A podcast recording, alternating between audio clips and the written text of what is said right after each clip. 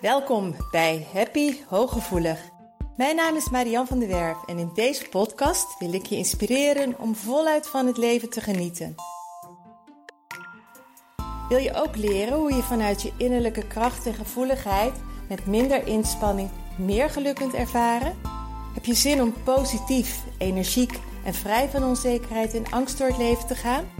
Dan is deze podcast voor jou bedoeld.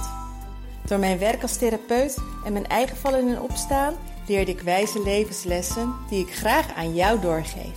Samen op weg naar een licht en ontspannen leven. Ga je mee? Welkom bij Happy Hooggevoelig, podcast 139. Wat fijn dat je weer luistert.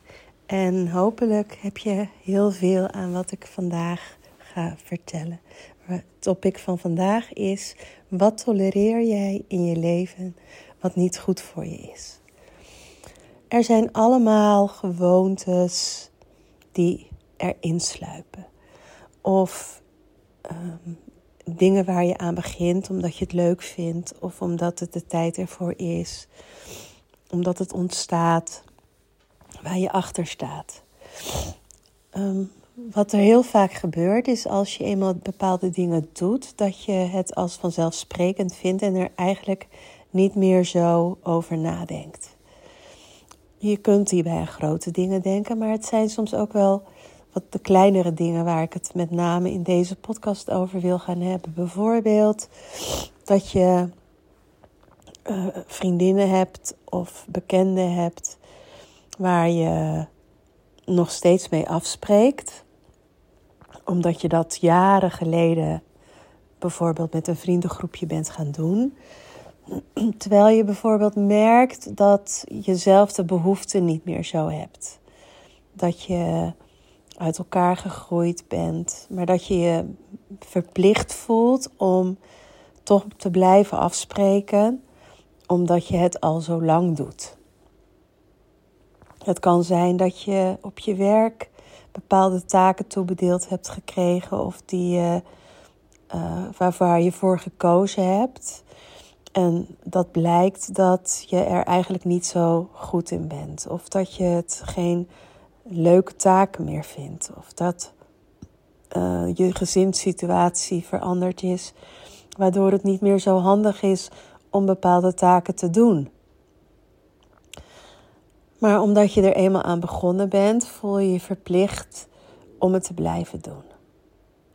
Er kunnen ook dingen zijn, en daar geef ik zo van mezelf een voorbeeld, dat je bepaalde dingen doet om je partner, uh, iemand van de familie, iemand uit je vriendenkring te helpen, omdat je zo graag wilt dat diegene zich goed voelt. Of omdat je zo graag wil dat die persoon gelukkig is. Zelf had ik dat, um, de vraag van wat tolereer je in je leven, kreeg ik uh, recent ook zelf weer eens. En toen ging ik ook nadenken. Toen dacht ik, ja, um, ik ben steeds aan het mopperen over um, het werk wat de bed and breakfast met zich meebrengt. Nu is het rustig, maar afgelopen zomer hadden we een heel vol seizoen. En Marco vond dat geweldig, want dat is zijn droom. En hij had helemaal niet verwacht dat het zo goed zou gaan lopen. Dus het was voor hem echt een verrassing. Maar hij werkt fulltime en uh, hij had drie weken zomervakantie. Maar buiten die vakantie om was het dus aan mij om de gasten te ontvangen, om de ontbijtjes te maken, om de bedden te verschonen, te wassen, te zoveel mogelijk te zorgen dat de boel weer op orde was. En Marco hielp s'avonds waar hij kon, maar op heel veel momenten was hij er natuurlijk ook niet. en ik, ik, dat ging mij irriteren, want al het werk wat ik daarvoor doe, dat zijn, is tijd wat ik niet kan besteden aan mijn droom aan zienswijze, aan het creëren van content, aan sessies, aan het schrijven aan mijn boek, um, aan het bouwen van een training, aan podcasts. Dus daar ging wringen en um, ik realiseerde me van ja, maar het is niet wat ik te doen heb. Het is niet mijn droom. Het is een stukje droom dat cliënten er kunnen verblijven, kunnen logeren. Of dat mensen via zienswijs zeggen van um, ik heb tijd voor mezelf nodig. Ik zou graag gebruik willen maken van de pipowa. Dat is een onderdeel van mijn droom. Maar niet een hele vakantie volgeboekt zitten. Dus dat was iets wat ik vorig jaar getolereerd heb. En met mijn verstand was ik het aan het beredeneren van ja, maar het zijn maar een paar maanden en als we het dan zo en zo doen, uit liefde voor Marco. Maar als het niet voor mij bedoeld is, als het niet bij mij past, als het niet goed voor mij is, gaat mijn inner being gaat daar niet oké mee zijn. Dus ik kon nog zo met mijn hoofd proberen om het te rechtvaardigen en om een uitkomst te bedenken um, dat het wel oké was voor mij om dat te doen. Het bleef onrust geven. En je moet je realiseren dat dit soort onrust een hele grote bron van overprikkeling en stress is. Stress is overprikkeling. Dat kan ook dus op zoveel manieren zijn. En ik heb dit aangekaart en ik heb heel eerlijk gezegd: ik ga dit niet meer doen. Dus Ehm, nu zijn we voorlopig, zetten we hem op uh, vrijdag en zaterdagnacht open. Want dan is Marco er zelf bij om te, om te helpen. En van de zomer zien we wel, want dan kunnen we ook hulp inschakelen. Kunnen we ook iemand vragen die het gaat doen voor ons, zodat ik het niet hoef te doen. Of we houden het op minder dagen. En natuurlijk heeft dat consequenties. En natuurlijk is dat ja, voor Marco niet leuk. Maar ik kan niet zijn dromen realiseren. Als ik ruimte heb en ik heb tijd over en het voelt goed, natuurlijk zal ik dan zeggen van doe maar meer open of laat mij het gewoon doen of weet je, laat de gasten maar stromen. Maar als ik het tegen mijn zin doe en ik tolereer iets wat van mij gevraagd wordt wat ik niet wil, dan is dat enorm een overprikkeling die gewoon continu in je systeem voelbaar is. En ik geef je dit voorbeeld om je bewust te maken dat er ongetwijfeld in jouw leven ook dit soort dingen zullen zijn. Ik ben momenteel, um, ga ik veel terug naar de periode voor mijn burn-out en um, tijdens mijn burn-out. En daar is bij mij dus zo'n transformatie gekomen door mijn burn-out. Dat ik daar weer in contact kwam met mijn inner being. En daar dus met heel veel gestopt ben. Omdat ik bepaalde dingen niet meer in mijn leven wilde hebben. Niet meer, niet meer tolereerde. Een ander voorbeeld was bijvoorbeeld dat um, ik een, een goede kennis had die alleen maar contact met mij opnam op het moment dat ze niet lekker in de vel zat. Want ik, ik, als ze dan met mij gesproken had, dan voelde ze zich weer zo goed. En uh, ja, op een gegeven moment heb ik die vriendschap, of de vriendschap, het was niet eens vriendschap, maar heb ik dat laten versloffen en heb ik uh, besloten om daar geen energie meer in te steken. Terwijl ik ook vriendinnen heb waar ik wel met alle liefde energie in steek. Maar daar is een wederkerigheid. En ehm, daar is een gelijkwaardigheid. En ja, dat zijn mijn echte vriendinnen. Snap je wat ik bedoel? Maar soms zijn er ook dingen die, um, als het niet lekker loopt, tijdje terug heb ik ook een, wel een keer iets tegen een vriendin gezegd van joh, ik vind dat op deze manier gewoon niet zo leuk, want je zegt wel dingen, maar het gebeurt niet. En ehm, ja, bij een andere vriendin denk ik dan wel eens van, ik zou wel eens wat meer mogen doen. En dan tolereer ik eigenlijk te veel van mijn eigen gedrag dat ik nalatig ben. En dat geeft ook een vorm van stress. Want dan ga ik me een soort schuldig voelen van, ah oh Marjan, geef, dat is wel belangrijk om daar wat meer aandacht aan te geven. Om er wat meer aandacht aan te besteden. Dus dan soms tolereer ik ook bepaald gedrag van mij. Ik ben vrij makkelijk in het niet nakomen van afspraken met mezelf. En daar erger ik me mateloos aan. En momenteel doe ik daar echt meer mijn best voor. Dat als ik me voorneem om op een dag iets te doen, dat ik me daar ook aan houd. Dat ik geen smoesjes van mezelf tolereer. Of verkoudheid wil niet weg. Ga ik ook niet meer tolereren. Ga contact met de huisarts opnemen of een kuurtje kan krijgen of zo. Dat, maar dat is dus ook iets. Ehm, blijf jij lopen met uh, gedoe in je lichaam? Accepteer jij bijvoorbeeld je angsten omdat er gezegd wordt dat hoort nu eenmaal bij je, daar moet je mee leren omgaan? Tolereer jij die? Of zeg jij, ik wil daarvan af? Ik heb cliënten die zeggen, ik wil daarvan af. En die zijn zo standvastig, die komen daar ook van af. Dus ga eens stilstaan bij wat tolereer jij in jouw leven waar je niet blij van wordt. En wat je nu bij wijze van spreken misschien zelfs accepteert of afdoet met het is nu eenmaal zo. Of ik ben eraan begonnen, ik moet het afmaken. Dat was ook zo een van mij. Dat ik uh, een bonk ellende eigenlijk was. En dat ik zei, nou ja, ik ben er nou eenmaal aan begonnen, dus ik moet het ook maar afmaken. Um, zo heb ik ook heel lang in mijn eerste huwelijk gestaan, waar ik diep ongelukkig was. En mijn partner in wezen ook. Maar dat scheiden voor mij geen optie was, omdat ik zei: Ik ben eraan begonnen, dus dan moet ik er ook maar in blijven. Dus ik tolereerde mijn pijn, mijn verdriet. Ik tolereerde het slechte huwelijk, de slechte relatie. Het leverde niets op, alleen maar heel veel pijn en verdriet. Dus wat tolereer jij in je leven wat niet goed voor je is?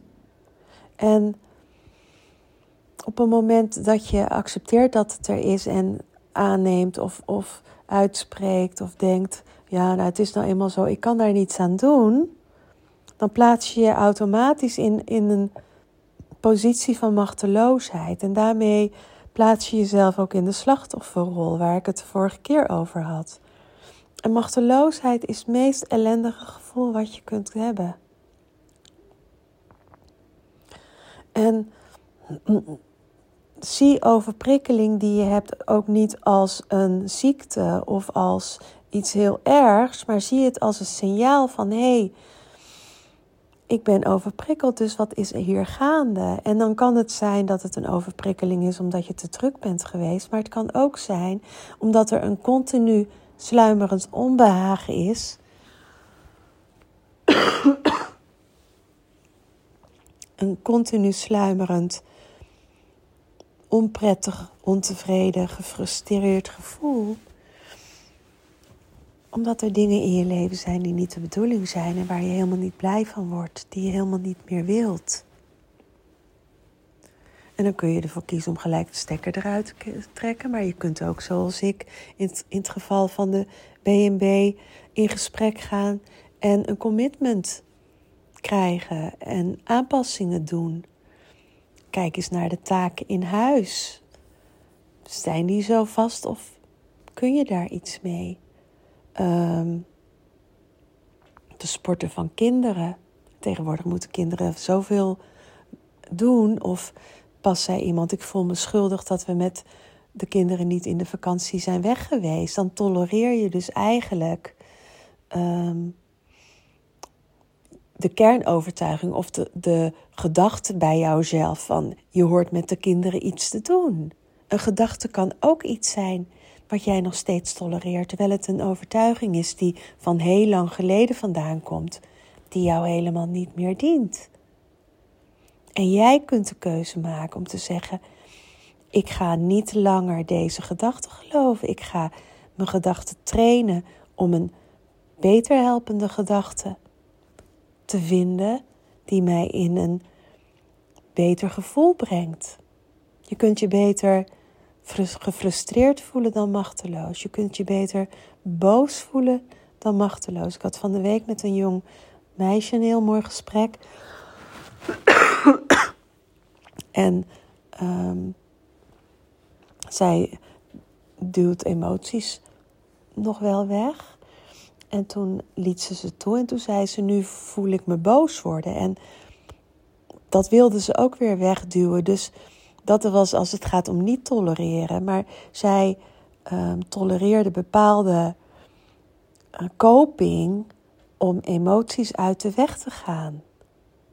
Om boosheid niet te voelen. Terwijl boosheid is in veel opzichten een hele gezonde emotie. Verdriet ook. Het zijn wel geen fijne emoties om te ervaren, maar ze duren misschien maar anderhalf, twee minuten heel heftig. En dan komt er al vrij snel in ieder geval opluchting van wow.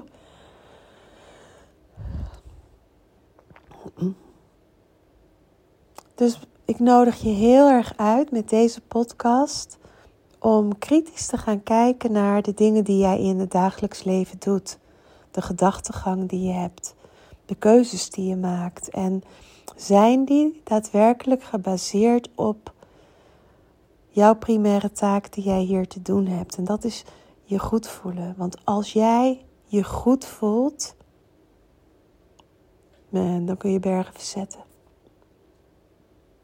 Als jij niet continu overprikkeld bent omdat je keuzes maakt, wauw, wat voor prachtig persoon komt er dan naar boven?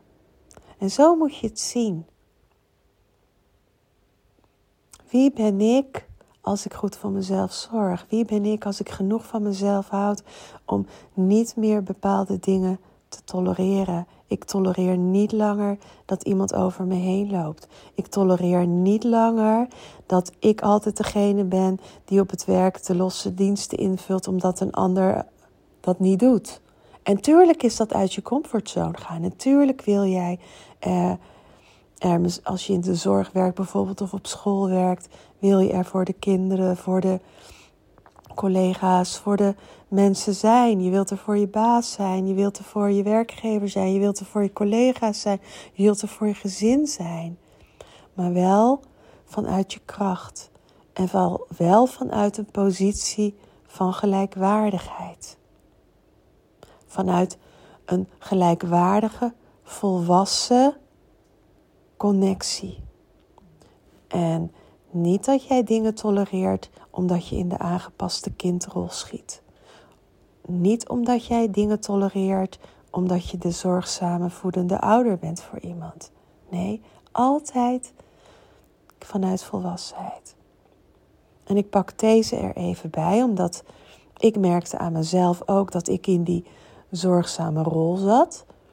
Van omdat Marco het zo, hè, die werd daar zo blij van. Dus ik gun het hem zo. Dus ik ga dat wel regelen. Ik ga daarvoor zorgen. Maar het gaf mij zoveel irritatie dat ik op een gegeven moment net een stampvoetend kind was. En ik wil dat niet meer. Dat is ook niet de bedoeling. Dus daar heb ik dan zelf werk te doen. En dan ben ik, heb ik zelf daar de balans in te vinden. En de keuzes te maken. En het bespreekbaar te maken. En te zeggen tot hier en niet verder. Of vanuit daar juist wel verder. Als je dit een hele goede podcast vindt, wil je hem dan alsjeblieft voor mij delen met anderen? Wil je hem doorsluizen? Wil je de naam van de podcast noemen? Wil je er een screenshot van maken en op je Instagram profiel of op je Facebook pagina delen? Want hoe meer mensen ik hiermee bereik die er iets aan kunnen hebben, ja, hoe blijer die, je die mensen maakt. En hoe blijer ik die mensen kan maken. En dat ik dit verder de wereld in kan slingeren. Dus schroom niet om dat soort dingen te doen. En het is een nieuw jaar. Ik wil heel veel podcasts gaan maken. Ik ga heel erg mijn best doen om de frequentie op te voeren. Maar dan heb ik jouw hulp nodig. Want ik wil weten waar jij tegenaan loopt. Ik wil weten waar jij als hooggevoelig persoon last van hebt, waar je meer over wil weten, waar je beter mee wilt leren omgaan, waar je van af wilt, waarin je wilt groeien, waar wil jij naartoe, wat wil jij bereiken, wat is jouw ultieme staat van zijn. Dus ik heb jouw hulp nodig door te weten wat er bij jou speelt en waar jij een podcast over wilt hebben. Dus app me, mail me, um, schrijf het onder een com command, deel het in een Instagram. Let me know. Yes? Heel een hele lieve groet van mij. Toch?